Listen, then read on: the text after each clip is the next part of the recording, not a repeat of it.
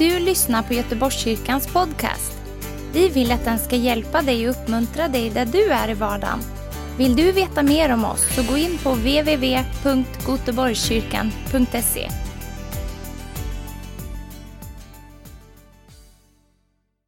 Fader, vi bara prisar dig för din närvaro den här stunden. Herre, det, det är vår största längtan att du ska bara få träda in på hela den här arenan i det här mötet Herre och bara komma med din närvaro och bara beröra oss. Det är vår längtan Herre att bara få lyfta vår blick och bara få se in i dina ögon som vi har fått hört talas om idag Herre och profeterat in i våra liv idag.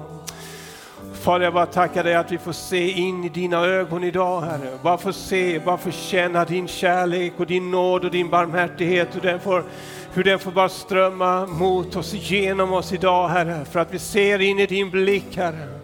Halleluja. Fader, vad prisar och lovar dig, Halleluja. Halleluja. Kina morosontoria marala santo nononia. Halleluja. Halleluja. Halleluja, halleluja. Tack ska ni ha, lovsångsteamet. Halleluja. Fader, vad prisar dig. Det är fantastiskt att vi har sådana lovsångare som vi har i vår församling. Det är en enorm glädje och en enorm välsignelse för oss, eller hur? Ska vi inte ge dem en varm applåd? Halleluja.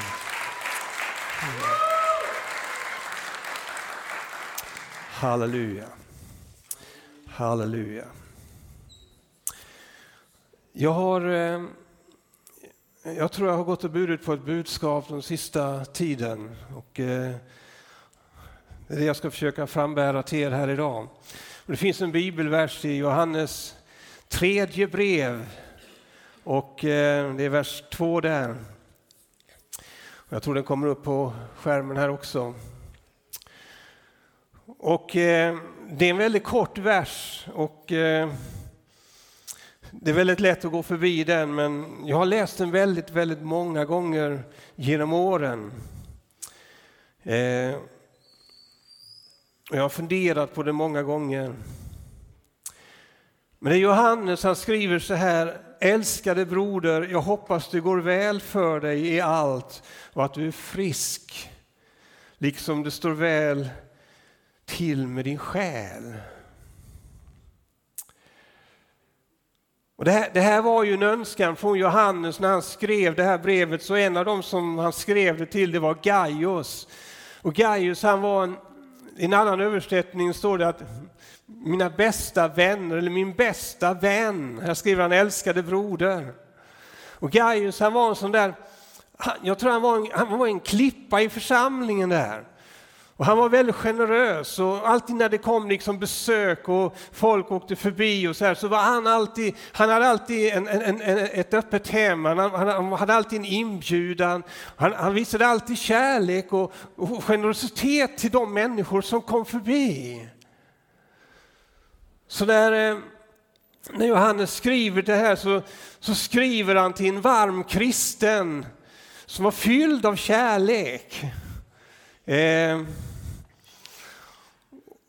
en kristen, han, han, han, en som liksom hade ett gott renommé, en som var älskad av människor. Och så önskade honom att han, skulle lyckas och ha framgång i allt. Att det skulle gå väl för honom i allt.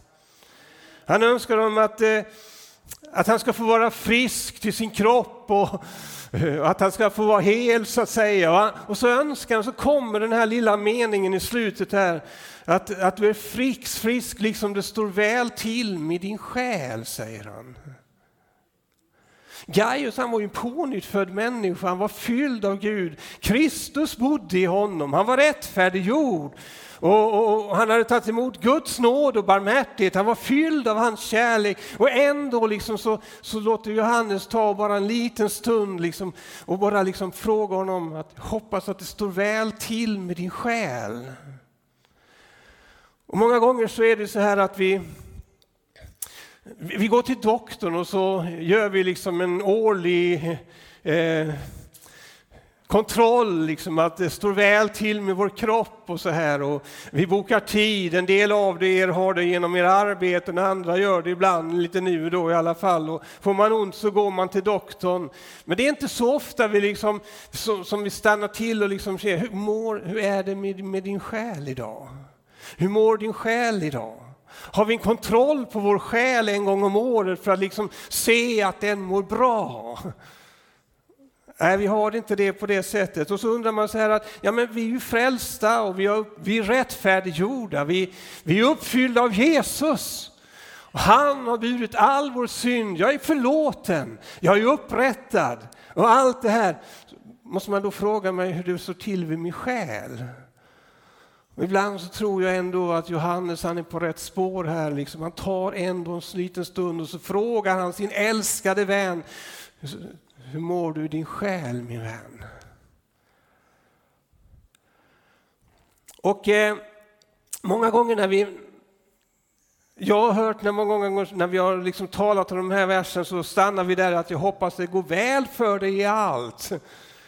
Och vi vi, liksom, vi tänker att ja, men, vi som kristna, vi, vi, vi ska lyckas, vi ska ha framgång, vi ska vara glada. Vi, vi, vi ska vara fyllda av glädje, vi, vi ska vara fyllda med frid. Och det är det Bibeln säger, eller hur? Och så här, så att måste vi ställa oss den här över, frågan. Jag är övertygad om att Guds tanke är att vi ska ha vara fyllda med frid, att vi ska vara uppfyllda av glädje, att vi ska liksom lyckas och ha framgång. Jag, jag, jag är helt övertygad när jag läser min bibel att det, det, det var vad Gud vill med våra liv. Men ändå, liksom på något sätt så måste vi ställa frågan ibland till vår egen själ. Hur, min själ, hur mår du? Hur mår våra själar idag? Och min vän, den här frågan tänker jag ställa till dig idag. Hur mår din själ idag? För det är en sak att stå med upplyfta händer här och lova och prisa Herren. Det kan vi göra och det ska vi göra. Men det behöver inte automatiskt innebära att du kom hit och var välmående i din själ.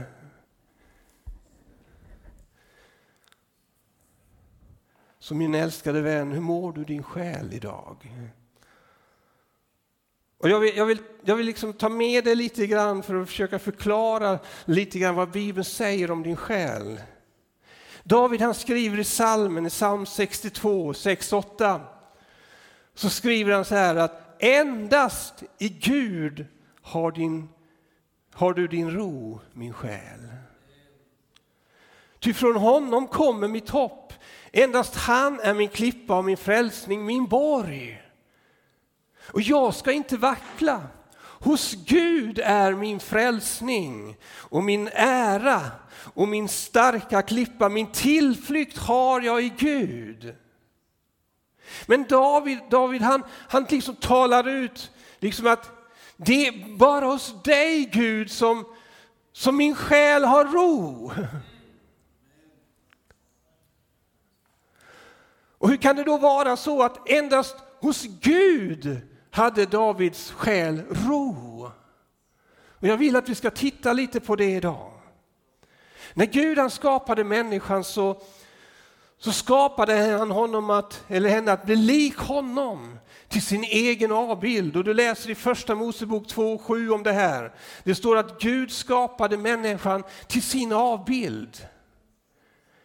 Och sedan läser vi vidare, och Herren Gud formade människan av stoft från jorden och blåste livsande i hennes näsa.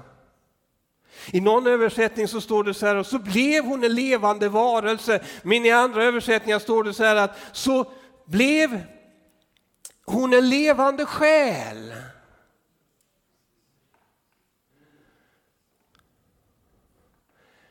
Vi har två stycken hebreiska grundtextord i, i, i den här versen. Och det, det ena är, Eh, är, ordet för livsande, Guds ande, rauk, som betyder vind eller ande. Det andra är, jag är inte säker på att jag uttalar helt rätt, men nepesh, som betyder själ. Så när Gud andades in sin livsande i dig eller i människan så blev hon levande. Vi som bara består av stoft eller jord och, och vatten. Och lite proteiner kanske också.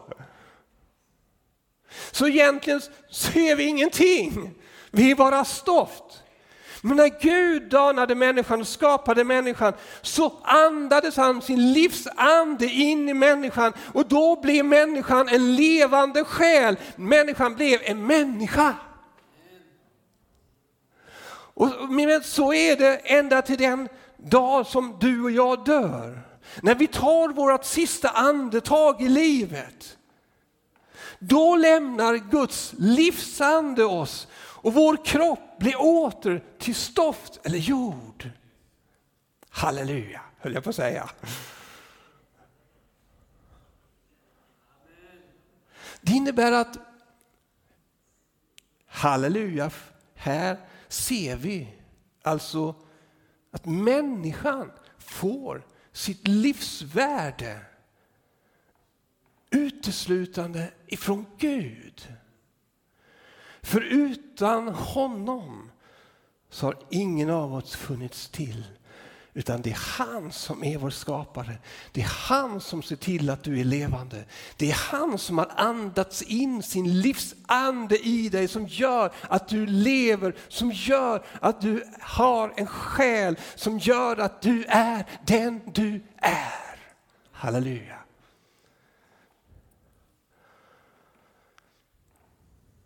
Vi blir alltså levande själar genom Guds andedräkt.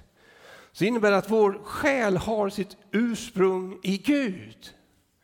Och då är det inte så konstigt att David liksom kände det att endast hos dig Gud så har min själ sin ro. För det vill liksom vara själva ursprunget, det är liksom själva kärnan till att han överhuvudtaget finns till. Så att när hans själ kopplade till Gud, då kände han att då var hans själ hemma. Då var hans själ knopplat till någonting som gav hans själ frid och ro. Den mådde bra.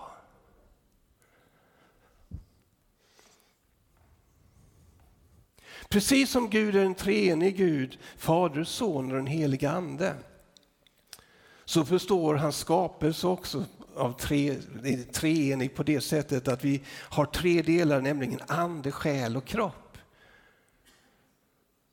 När man talar ute i, i, vår, i vår värld idag så talar man inte så mycket om anden, man talar mer om, om själen och kroppen så att säga.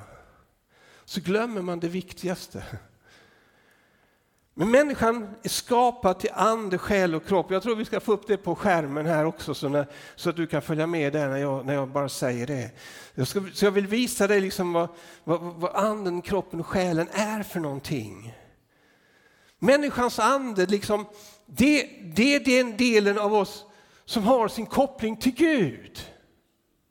Det är genom min ande, när den kopplar med Guds ande som jag är kopplad till Gud, som jag kan tillbedja honom, som jag kan lova honom, som jag kan göra att jag kan tala med honom. Det är liksom min relation med Gud går igenom min ande till Guds ande. Så att anden i oss, det är liksom vår koppling till Gud. Och det är genom den vi lyssnar till Gud. Och Johannes 4 och 23 säger så att Gud är ande och de som tillber honom det måste tillbe i ande och sanning. Så utan att människan liksom kopplar till anden i sig så har man inte kopplingen till Gud som har skapat dem. Det andra är att människans personlighet den finns i själen. Så själen, när vi talar om själen, det, det är lite olika oavsett, när du läser olika eh, bibelord om själ så kan de betyda lite olika. Men i det här sammanhanget när vi talar om nu så, så människans, eh, när du läser om människans själ, det är där din personlighet finns, i din själ. Det är, liksom, det, det, är det som talar om att vem du är, och vad, ja, vem du är alltså. Eh, det handlar om i själen så det handlar om det finns kunskap, där har du känslan, där har du viljan, eh, olika känslor alltså. Genom själen så upplever du olika känslor som, som sorg, som glädje, välbefinnande, eh, självmedvetenhet. Eh, Eh, du upplever också saker som besvikelser och allt sånt där. Det är genom din själ som du upplever det här. Men i själen så finns det också förmågan att fatta beslut. Själen är vår personlighet. I själen ligger också vår prestation, vårt skapande. Eh, om, om, om, du liksom, om, du ska, om, om du skriver en sång, musik, målar tavlor, skapar konst och allt de här sakerna. Det är genom din själ som det mynnar ut. Det är liksom det som, som presterar fram det. Sen är det en annan fråga och det kommer vi till sen, liksom vad det är som är själva drivkraften, liksom vad det är som präglar din själ. Om det är, är, är, är världen, köttet eller om det är Guds ande. Som du tittar ut i vår värld idag, jag var nere i Europa och reste eh, för en del år sedan, och så, tittade vi på, så gick vi omkring och tittade på torg, vi bad och så här på olika ställen och så såg vi massa olika jättekonstiga destruktiva statyer och så här. Och det, det, är så, det är så här att ju sjukare denna värld blir, ju sjukare kommer konsten att bli, förstår du.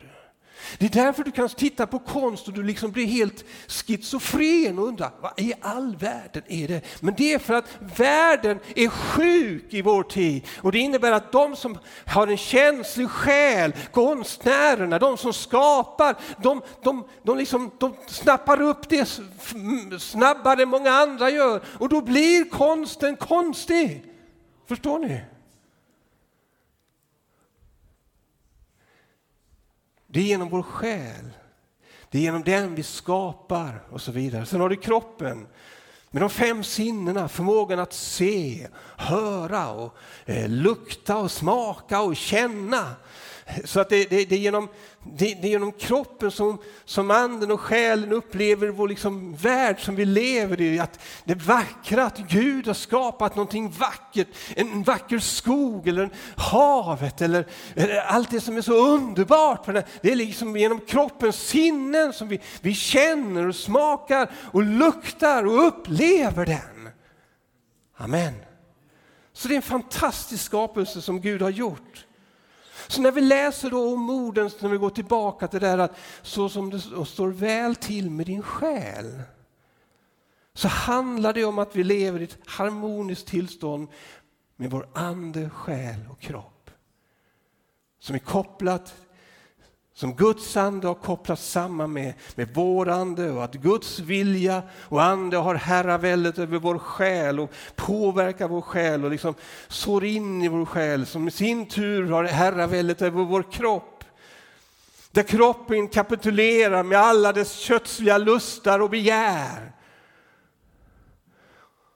och följer vad anden och själen gör, då, då har du liksom en full harmoni mellan ande, själ och kropp.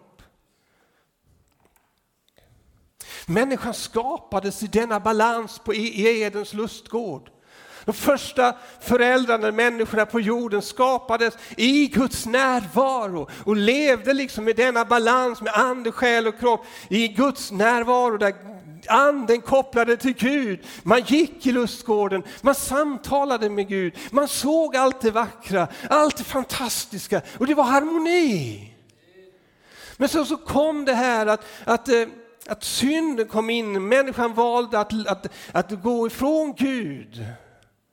Och man blir utvisade från Edens lustgård. Och man blir skild från Gud. Alltså man blir utvisade ifrån Guds närvaron. Och i och med det också så, så dog människans ande. Inte på det, alltså den dog på det sättet att det, det fanns det, men det var som död så började människan leva utifrån sin själ och sin kropp. Vilket innebär att själen inte längre hade sin ro. För att det som var liksom själens katalysator, själ, alltså det som var så att vi mådde bra, det hade dött bort så att säga. Vilket gör, gjorde att människan blev vilsen. Människan gick vilsen. Och människan upplevde liksom att, att, att tillståndet Att själen höll på att gå förlorad. För man hade inte kopplingen längre till Gud.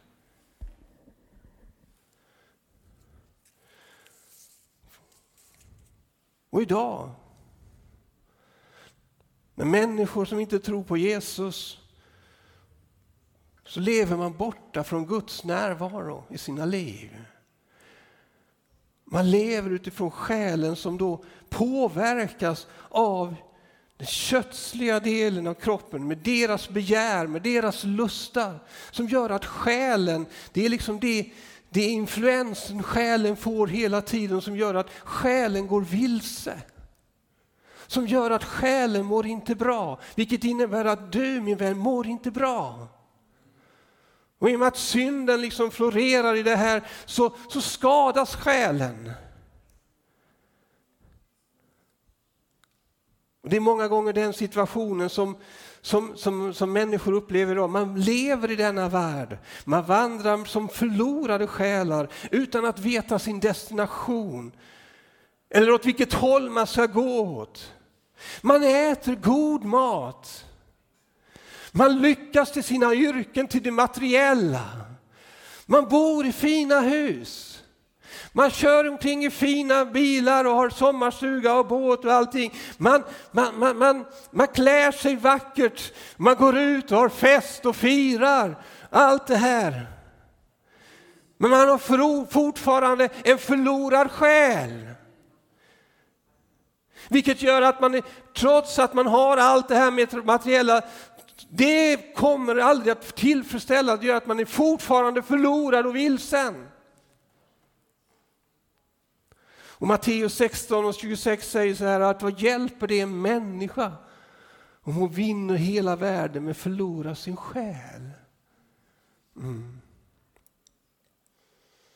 Så det är inte alltid som det som på ytan ser ut som en väldig framgång innebär att den människan bakom framgången, oavsett vad det är för på området, mår bra i sin själ så hade Gud en räddningsplan. Lukas 19 och 10 står det så här, till människosonen har kommit för att uppsöka och frälsa det som var förlorat, står det. Jesus han kom till jorden, han dog på ett kors. Där bar han all världens synd på sin egen kropp. Och när du och jag tar emot Jesus i våra liv och tror på vad han har gjort för oss, att han bar vår synd, att han dog för oss, så blir vi födda på nytt. Och vet vad som händer då? Jo, då kommer Guds ande, Guds ande direkt på igen och så kommer Guds ande och föder din ande på nytt och bara upplivar den på nytt igen så att den får liv och Gud blåser in sin ande i dig och, den, och du blir en levande själ på nytt igen min vän på grund av att Gud har flyttat in i dig. Halleluja. Då är man inte längre vilsen. Då frågar man inte sig längre liksom var jag kommer ifrån eller var jag är på väg. Då vet man det. För mitt ursprung är hos Gud. Då är man tillbaka till det som David han vittnar om att det är endast hos dig Gud som min själ har ro. Och när du tar emot Jesus i ditt liv min vän, då kommer din själ att få ro. Halleluja. Och det är underbart att det är på det sättet. Och Jesus han säger så här i, i, i Matteus 11, 28-29 så säger han så här att Kom till mig alla ni som arbetar och bär på tunga bördor så ska jag ge er vila. Ta på er mitt ok och lär av mig, ty jag är mild och ödmjuk i hjärtat. Och så står det, då ska, du finna ro, då ska ni finna ro för era själar, står det. Halleluja. Mm. Våra själar som var vilsna och sargade får frid med Gud och ro genom Jesus Kristus. På samma sätt som David vittnar så kan du och jag få vittna att min, min, min, min själ fick ro i Gud. Halleluja. Visst är det underbart? Halleluja. Och du vet att när, när, när, när Paulus han säger i Romarbrevet 1 och 6 att, att jag skäms inte för evangeliet för det är en Guds kraft till frälsning för var och en som tror.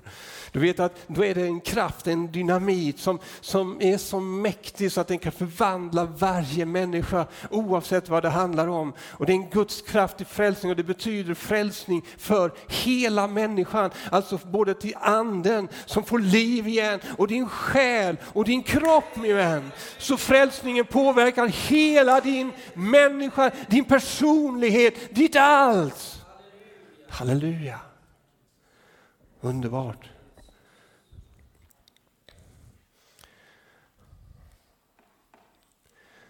Jag vill, att du ska, jag vill bara visa dig en sak här. Att jag vill att du ska förstå att din och min själ den är väldigt påverkbar.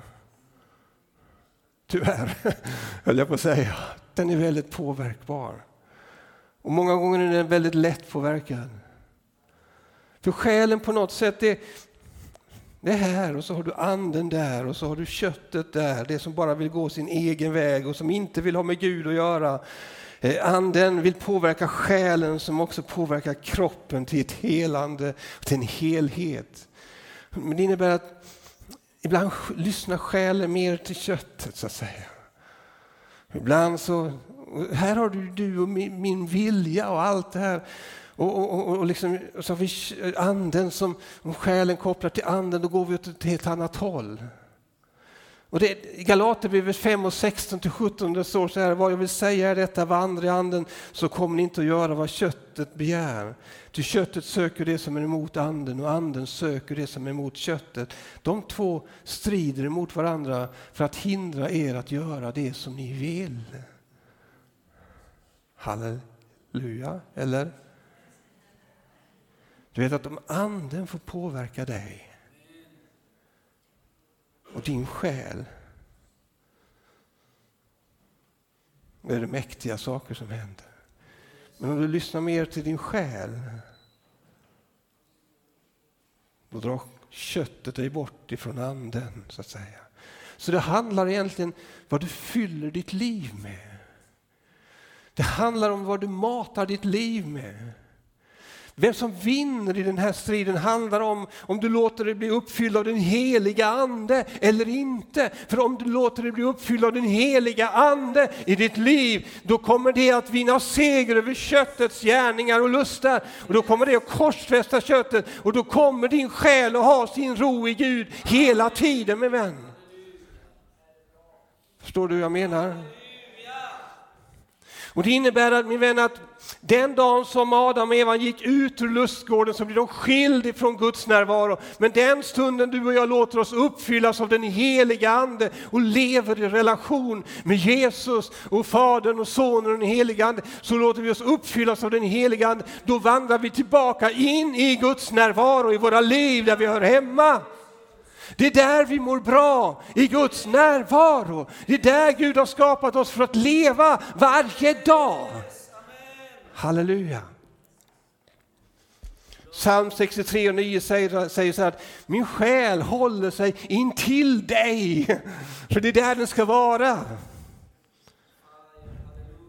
Och i Guds närvaro, så, så det är då din själ och min själ liksom börjar få uppleva och börjar se vem Gud verkligen är. Hur mycket han älskar oss, hur mycket han betyder för oss, vad han har gjort för oss. Och när själen börjar se det, då mår den så bra. Halleluja. Halleluja. Därför är det viktigt att vara, låta din själ vara nära Gud och låta den få flöda i, i, ett, i ett, starkt böneliv, i tillbedjan och lovprisning. Därför är det viktigt att låta din själ få leva i ordet.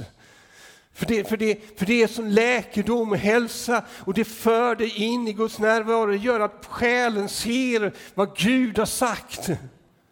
Halleluja.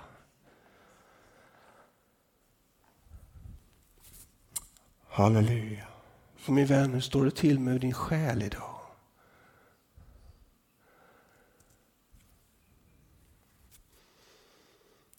Bibeln uppmanar oss, du kan ta den sista, jag har satt ner en del bibelord där och jag bara tar dem sammanfattningsvis.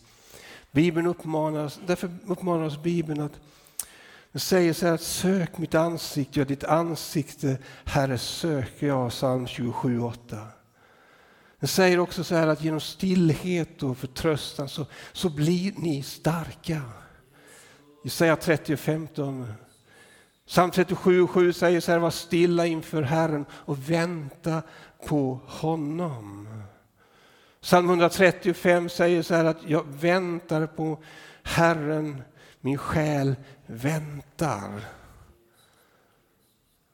Och eh, David, David han, han skriver att, i psalm 63, Gud du är min Gud, tidigt om morgonen så söker jag dig, min själ den törstar efter dig. I ett torrt land som försmäktar utan vatten så hans själ längtade efter Gud varje morgon på nytt igen för att bara känna Guds närvaro på nytt i sitt liv och få känna att själen får må bra hos Gud. Därför är ditt och mitt liv med Gud väldigt viktigt för oss. Det är klart att du kan komma hit en gång varje vecka på söndagen och vi har en fantastisk lovsång. Vi känner Guds närvaron och i det här så mår din själ bra. Den trivs i detta. Men min vän, Gud vill något ännu mer. Gud vill inte bara att du ska vara beroende av, av våra möten när vi har dem en gång i veckan eller hur många gånger det nu är. Han vill att du ska komma hit och fröjda dig då också. Att din själ ska lova Herren och så vidare. Att du ska prisa honom. Men Gud vill att du ska leva i hans närvaro varje dag. Och då handlar om, då handlar det om dig och Gud i din vardag. Varje dag, att du tillsammans med honom upplever också Guds närvaron i ditt liv varje dag som går. Halleluja. Eh, Tony, kan du komma här och Stig och Frank, kan ni bara komma fram lite grann? Jag ska bara, jag ska bara eh, orkar ni lite till ska jag bara göra en liten praktisk sak. Kom fram här. Jag, jag tänkte bara jag skulle hjälpa dig lite när det gäller ditt, ditt liv med Gud och din, din bön. Eh, Stig, kan du ställa det här? Det här är ingen du nu, någon, eh, om du är köttet eller kroppen här. Eller förgården. Vi står att vi är den helige Andes tempel. Guds ande bor i oss. Frank, du kan väl vara själen här? Och så är du anden här borta. Amen. Jag tänkte, tänkte att Tony skulle bli glad att han fick stå där borta. Det är ju så här, när du och jag söker Gud varje dag, eller när, när, vi går in i bön med Gud för att vara tillsammans med honom, så är, så är vår liksom mål att komma inför hans ansikte, få uppleva hans närvaro. Vi ber för många olika saker, men det är ändå liksom, vårt mål är ändå att möta Gud i vår bön, eller hur? Vi kan se det också så här att det finns olika hjälpmedel. Det finns, det finns eh, John Guichou lyfter fram, eh, David John Guichou lyfter fram det här med tabernakelbönen och, och, så vidare som du kan läsa om. Det finns de som har de här sju stegen i Fader vår och har det som hjälp i sin bön och det är jättebra för att hjälpa oss att bedja och hålla fokus i bön. Så vi säger så här att, om vi, om vi säger så här att i templet när, det, när man kom inför Gud så var det förgård. Och sen hade man det heliga och sen i det allra heligaste, det var här liksom Guds närvaron var. Det var en vandring därifrån och dit.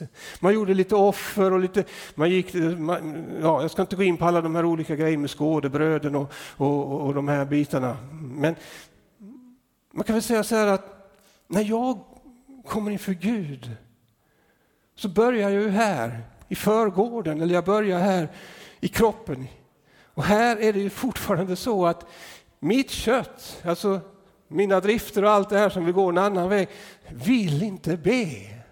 Men anden i mig som är kopplad till Guds ande, den vill ju bara leva och vara i Guds närvaro och be, eller hur? Och lova och prisa Herren. Men när jag börjar att be varje, varje dag så börjar jag ju här. Och då börjar jag med den här kampen, jag vill, jag vill inte. Och Det är så här att det är en sträcka hit och dit, men det är inte någon trappa på det sättet. Och jag vill bara att du ska ta vara på, om du tar fram bibelorden igen, så, så stod det bara att du skulle söka Gud. Det stod också att du skulle vänta på Gud, eller hur?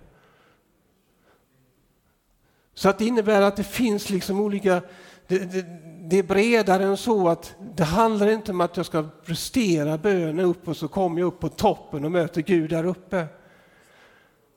Det står, Bibeln talar om att jag ska få vila i det. Att söka Gud är ingen prestation. Men när jag börjar be här, då är jag väldigt lättstörd.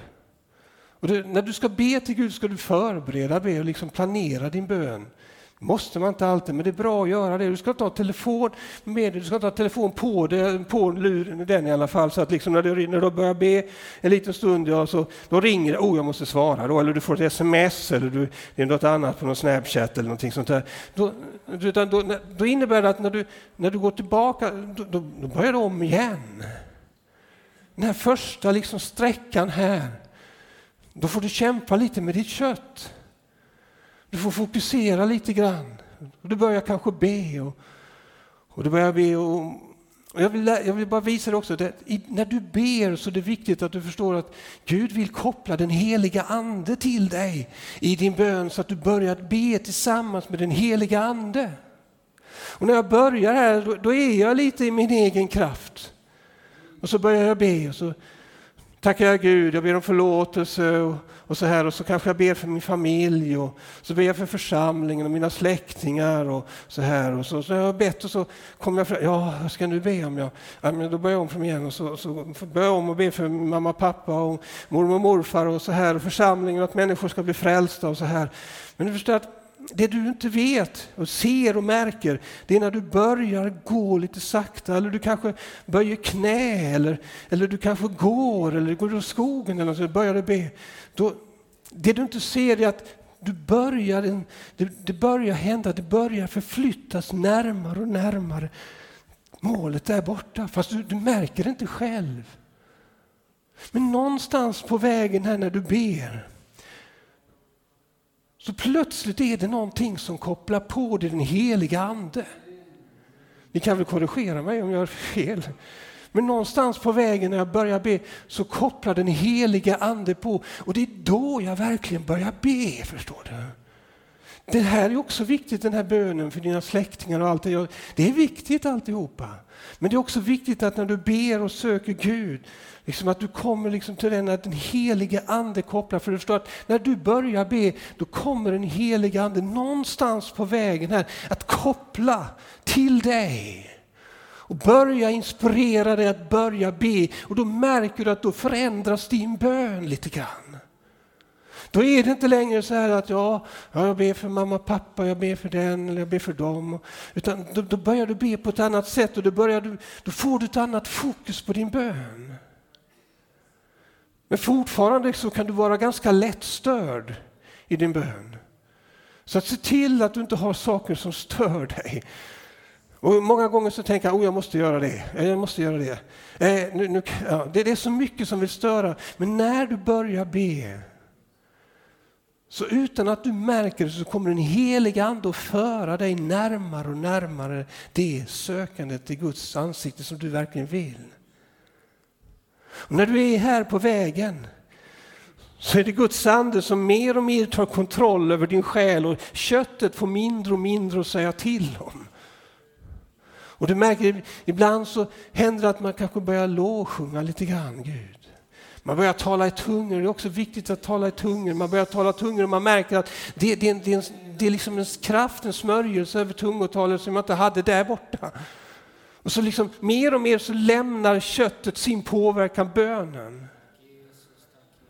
Så märker du att du, ju mer du liksom... Det många gör som, som kan vara fel, det är att när man har kommit hit, ja då har det gått en halvtimme kanske. Eller 40 minuter. Och, tänker ja, men, och så slutar man och så går man ifrån. Den var viktig den här bönen också. Men Gud hade ju tänkt att du skulle gå ett steg till. Så att när du ber, ge Gud tid. Ge Gud din tid. Håll ut lite grann. Var kvar i bönen, låt det gå en sträcka till. Så utan att du märker det så kommer du att komma närmare Guds närvaron. Och någonstans när du liksom kommer på vägen här, då märker du att, att det som du liksom tittar på klockan här, att ja, nu har jag bett i tio minuter, det är inte dåligt.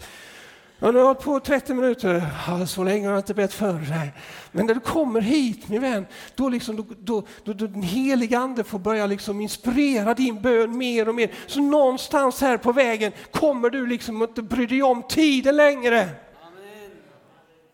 Och då spelar det ingen längre roll om jag ber en timme eller om jag ber två timmar eller tre timmar. För att här så, så är anden så, då börjar anden att dominera mig och den heliga ande inspirerar mig. Och när jag, ju närmare Gud jag kommer ju mer förlorar köttet, ju mer mindre blir det av mig själv och ju mer Jesus blir det.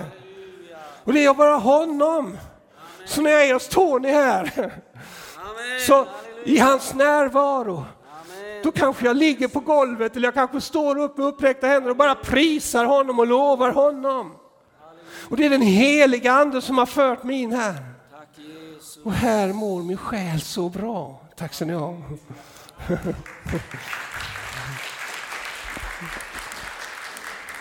En sak som jag också vill du ska tänka på, det står att vänta på Gud. Bön är inte bara att be. Jag ska erkänna att jag har haft bönetimmar då jag har liksom bara eldat på, och jag har krigat och haft mig och känt liksom, wow vilken timme det här var alltså. Och så har jag gått därifrån och så har jag nästan förstått efteråt. Det var mycket dig själv Anders i det där.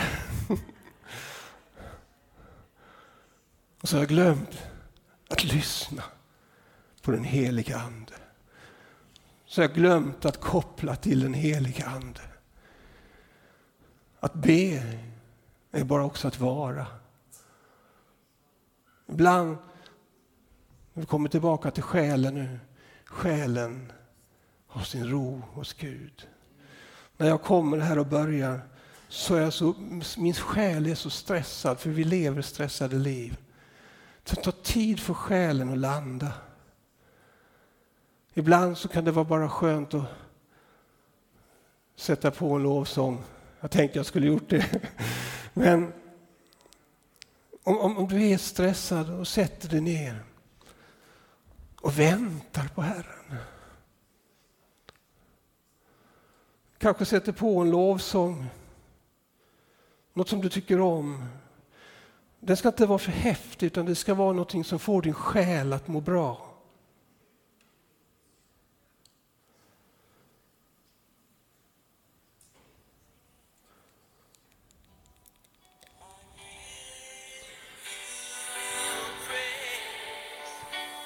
Bara sitta och blunda.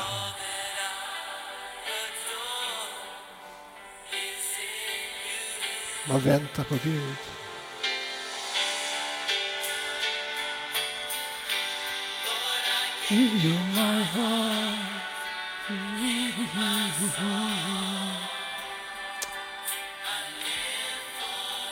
När du bara sitter där och bara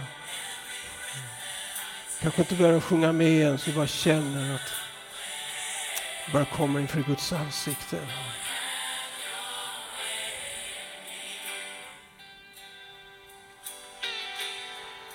Efter en stund så kanske du bara börjar gråta. För Guds ande kommer nära. Det är inte du min vän som drar dig till honom, till dig.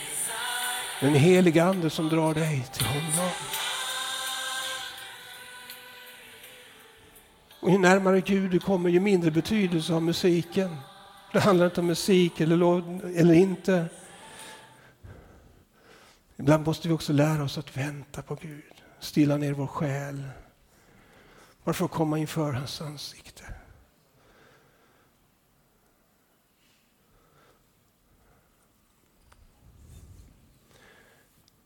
Ibland tror jag att jag själv har varit med och stressat sönder min själ för mycket för att jag har bara gått på. Och så har jag förstått att, jag förstått att jag har lyssnat lite ibland. Jag vill bara ge dig lite tips här inför Hur du söker Gud. Jag säger inte att det ena eller andra är rätt. På ett sätt, en del går ut i skogen, det har gjort mycket. Att gå i skogen, det, det ger ro för en själ, ens själ. Luften och, och fåglarna som sjunger. Och gå där och bara prisa Herren. Sätta dig på en äng, på en sten och titta på blommorna och bara sitta där och vänta på Gud. Det kan vara att sitta och, i en skön plats i ditt hem och bara sätta dig i en skön fåtölj. Bara säga Gud, du är här. Och ibland så kommer du in i situationer där du krigar. Absolut. Men det viktiga är att din själ får ro hos Gud, min vän. Så min fråga idag är än en gång, Johannes och teamet, kan ni komma fram? Eh, och Kevin och halleluja.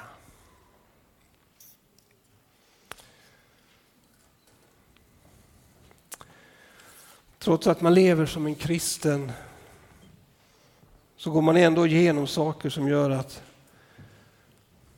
man ibland har en sårad själ. Och jag tror jag kommer att tala till många här idag nu. Man kan ha upplevt saker sedan barndomen, mobbing, man kan ha upplevt att någon har våldtagit sig för på en på något sätt eller ett annat sätt. Så man bär med sig sår i livet. Man, man, kan ha en arbetssituation som gör att man kanske har blivit mobbad på arbetet eller att det har varit en oerhörd press som gör att man mår dåligt. Man kan ha besvikelser i koppling till släkt där man inte är vänner längre utan där man bråkar med varandra. Man kan, man kan till och med tillhöra en församling där man känner att man mår inte bra i sin själ. För man gör inte upp med varandra, man säger aldrig förlåt till varandra. Så även som kristen så kan man ha en sårad själ.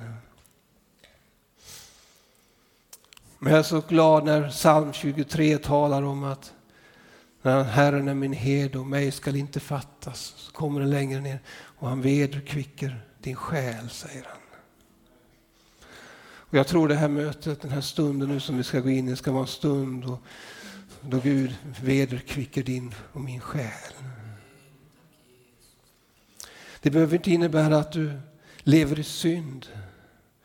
Men du har sår på din insida i din själ som Gud vill hela.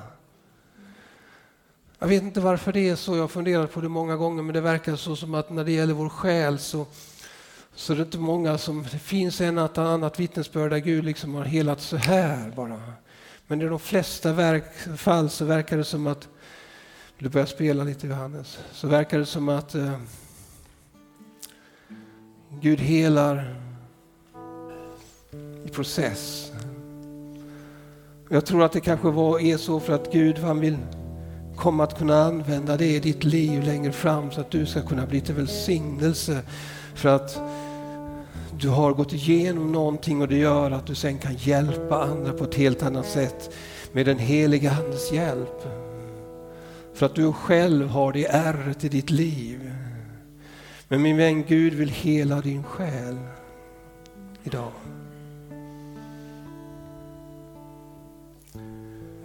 David han uttrycker sig, varför är du så bedrövad min själ?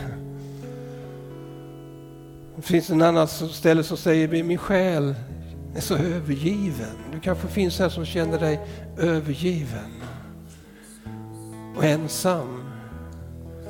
Och din själ lider. Men Gud har själv sagt att jag ska aldrig lämna dig eller överge dig. Det är det Guds ande vill tala om för din själ, att du är inte övergiven, jag kommer aldrig lämna dig. Du är inte ensam.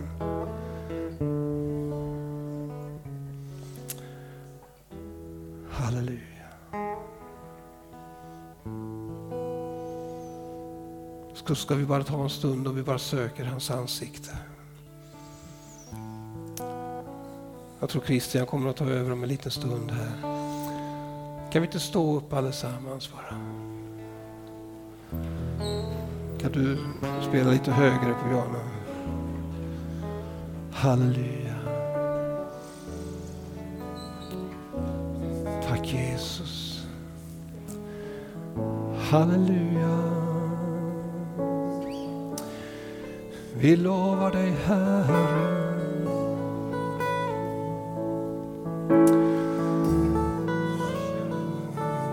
Bara Sigilia Mala Santo.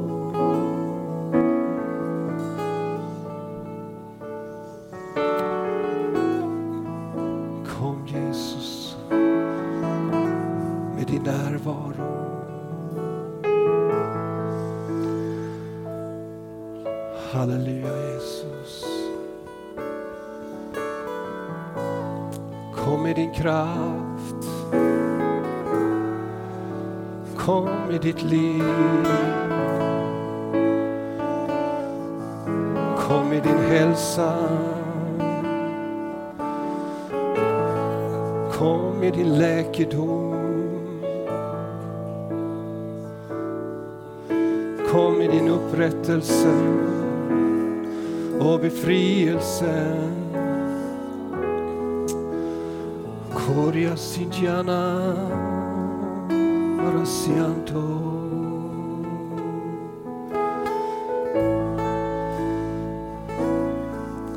Han vill hela dig.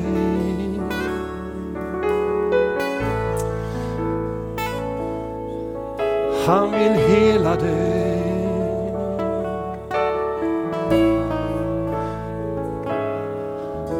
Han vill hela dig.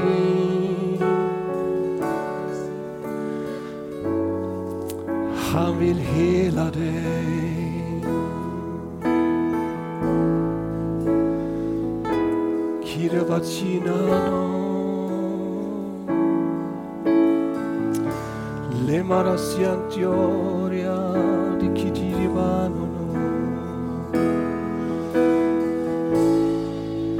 Jesus älskar dig. Halleluja.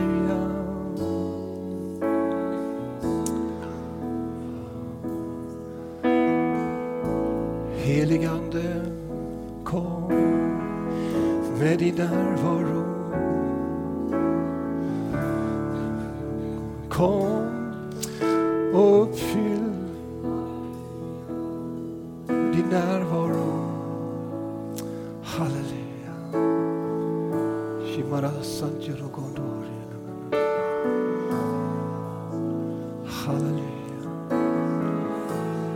Ska du bara sträcka dig mot, mot Gud, mot Jesus. Den här stunden. Bara öppna ditt hjärta för honom. Bara lyfta dina händer och bara låta honom komma in och verka i din själ till hela hälsa och läkedom och befrielse och ro.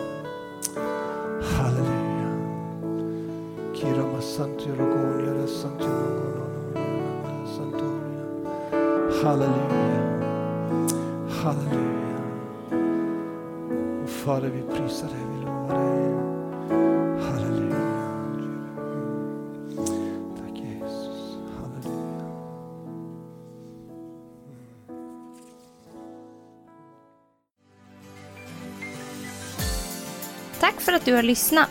Dela gärna podden med dina vänner och glöm inte prenumerera. Om du har frågor eller vill att vi ska be för något så mejla oss på info. På söndagar har vi veckans höjdpunkt. Då firar vi gudstjänst tillsammans och det vore så kul att träffa dig där. Men vi har även samlingar för barn då? Gå in på vår hemsida goteborgskyrkan.se så får du veta mer. Välkommen till oss!